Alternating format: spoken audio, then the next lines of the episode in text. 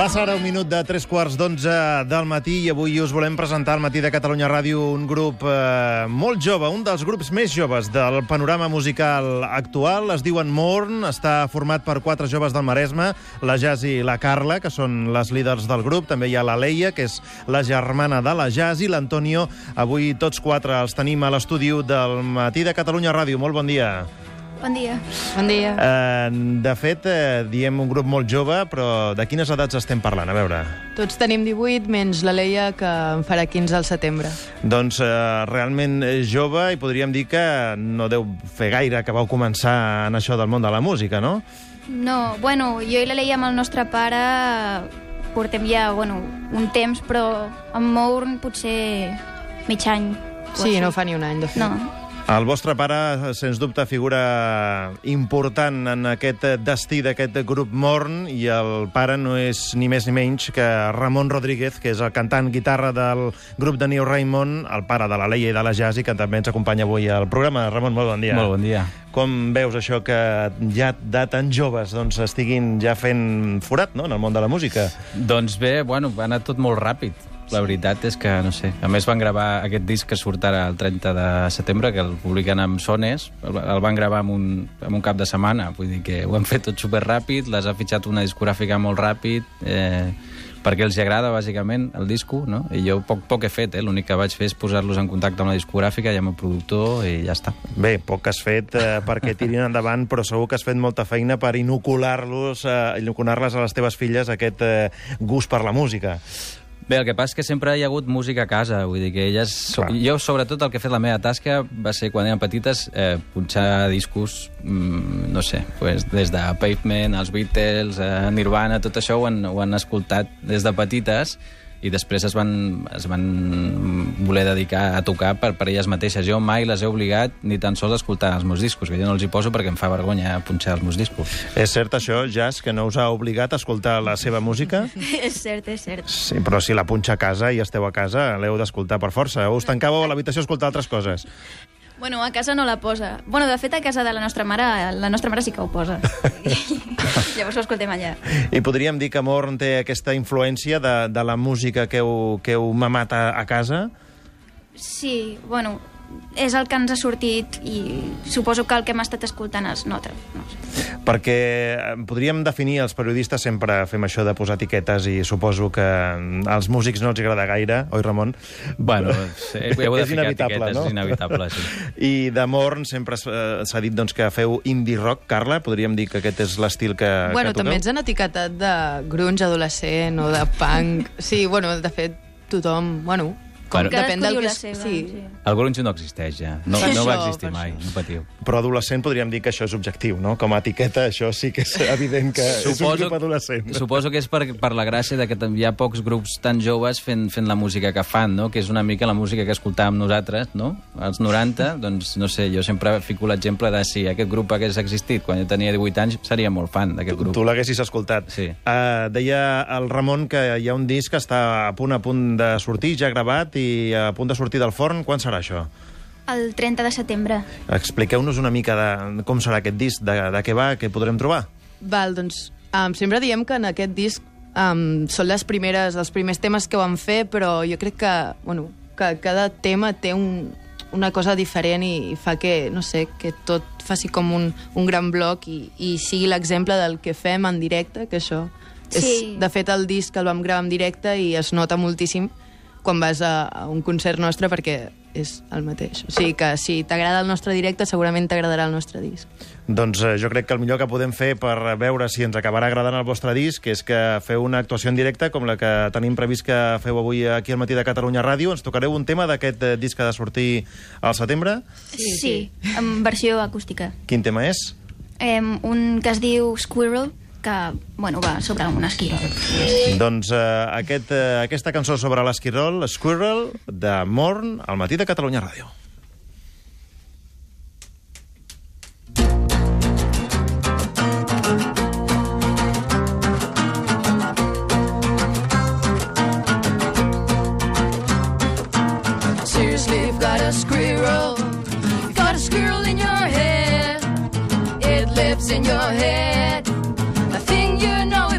Don't care.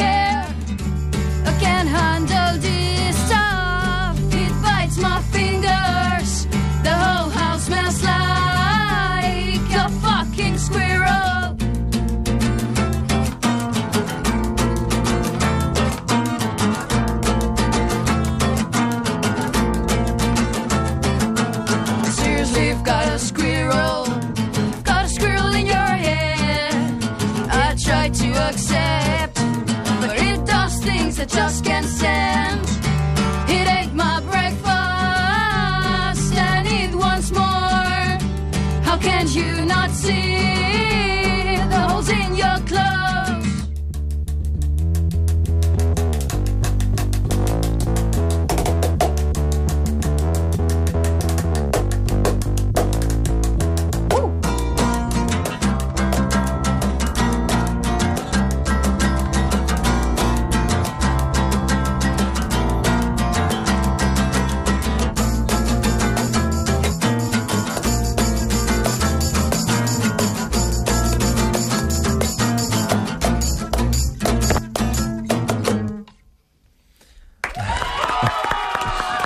El Ramon ràpidament aplaudint, eh, orgull de pare. Soc molt fan, soc molt fan. Queda malament, però... Uh, dèieu que ja heu fet alguns bolos, alguns concerts. Teniu uh, algun altre programat també en un futur així pròxim? Sí, el 5 de Divendres que setembre...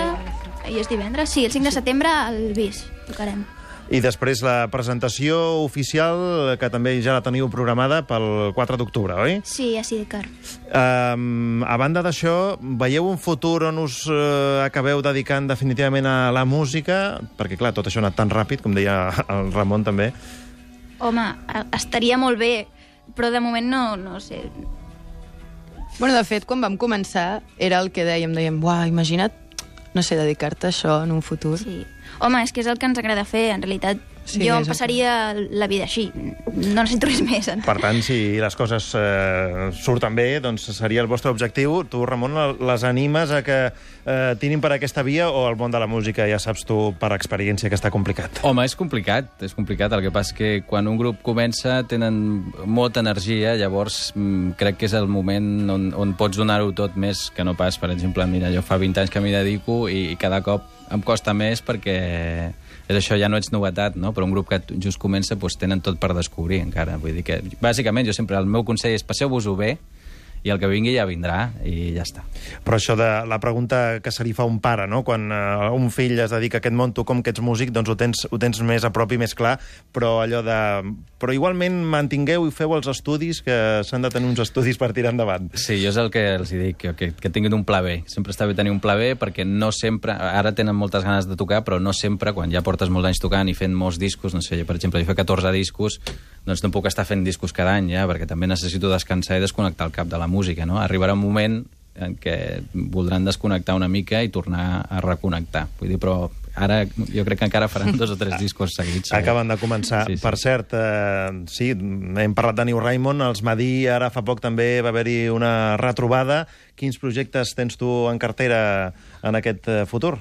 Doncs mira, jo estic acabant d'escriure el meu segon còmic, que, que vaig publicar un còmic fa un parell d'anys, i estic fent això i, i gravant el meu cinquè disc, que, que l'estic acabant per treure'l al, al gener i me'n vaig a girar al setembre per fer diners per acabar de finançar la gravació. És que això que parlàvem dels grups, no? de, de, dels músics i tal, doncs bueno, ens hem de buscar eh, fórmules i sistemes pues, per anar finançant la teva pròpia obra, no? perquè això pensem que, no sé, encara som una mica eh, anem una mica tard amb, amb tot això de la cultura, vull dir, aquí a Catalunya, no? Jo penso, eh, per exemple, si, si un músic eh, francès eh, l'Estat entén que quan ell no està tocant, no, no genera diners i quan està creant un disc mm, necessita cert temps, no? pues l'Estat l'ajuda, no? per exemple, això passa a França, no?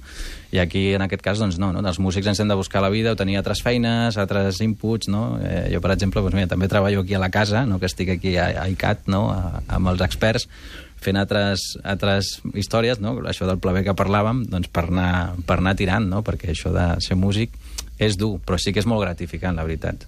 Home, això de tenir una, una subvenció mentre el músic crea i no acaba de publicar, aquí es planteja potser és fins i tot més enllà que una utopia. Exacte, no? és que no està ben vist que ser músic, no? És com si ja estàs al gremi de toreros, no? perquè m'entenguis, no?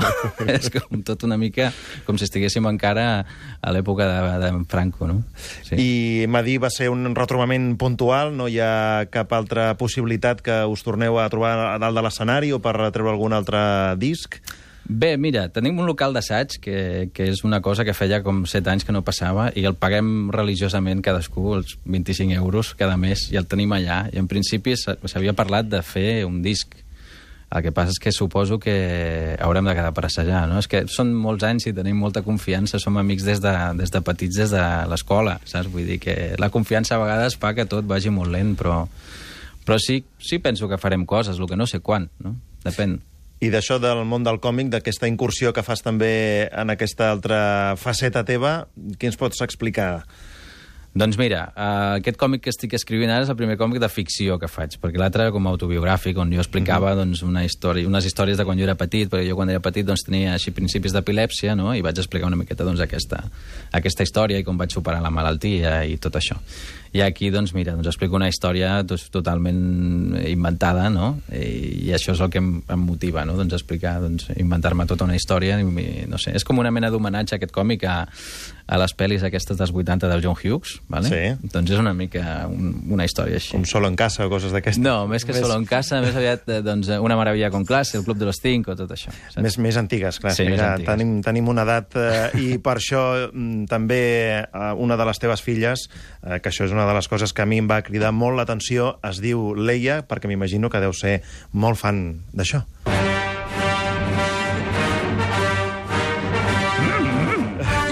Fan yo ser, sí. Mm, joven Padawan. Ramon Rodríguez, que no només fa còmics, eh, toca, canta, compon, sinó que és fan de Star Wars i ets eh, doblador de Yoda. Mm, Sí, sí, sí. T'estàs buscant, has escrit el Sí, sí. JJ Abrams per veure si et donava un paper a la pròxima trilogia però o no? no, no ho he aconseguit. Mira, no, li vam ficar l'ella perquè era noia, si no l'haguéssim ficat Chewbacca. No? Home, doncs quina sort que va ser noia, perquè clar, dir Chewbacca, realment... Chewbacca Rodríguez és molt fort, eh? Insuperable. sens dubte. Ramon, moltíssimes gràcies eh, per acompanyar-nos i també a les Morn, als Morn, per haver-nos acompanyat també i haver tocat aquest tema el, en acústic avui aquí en el programa. Moltíssimes gràcies i molta sort. Bon dia. Fins aviat.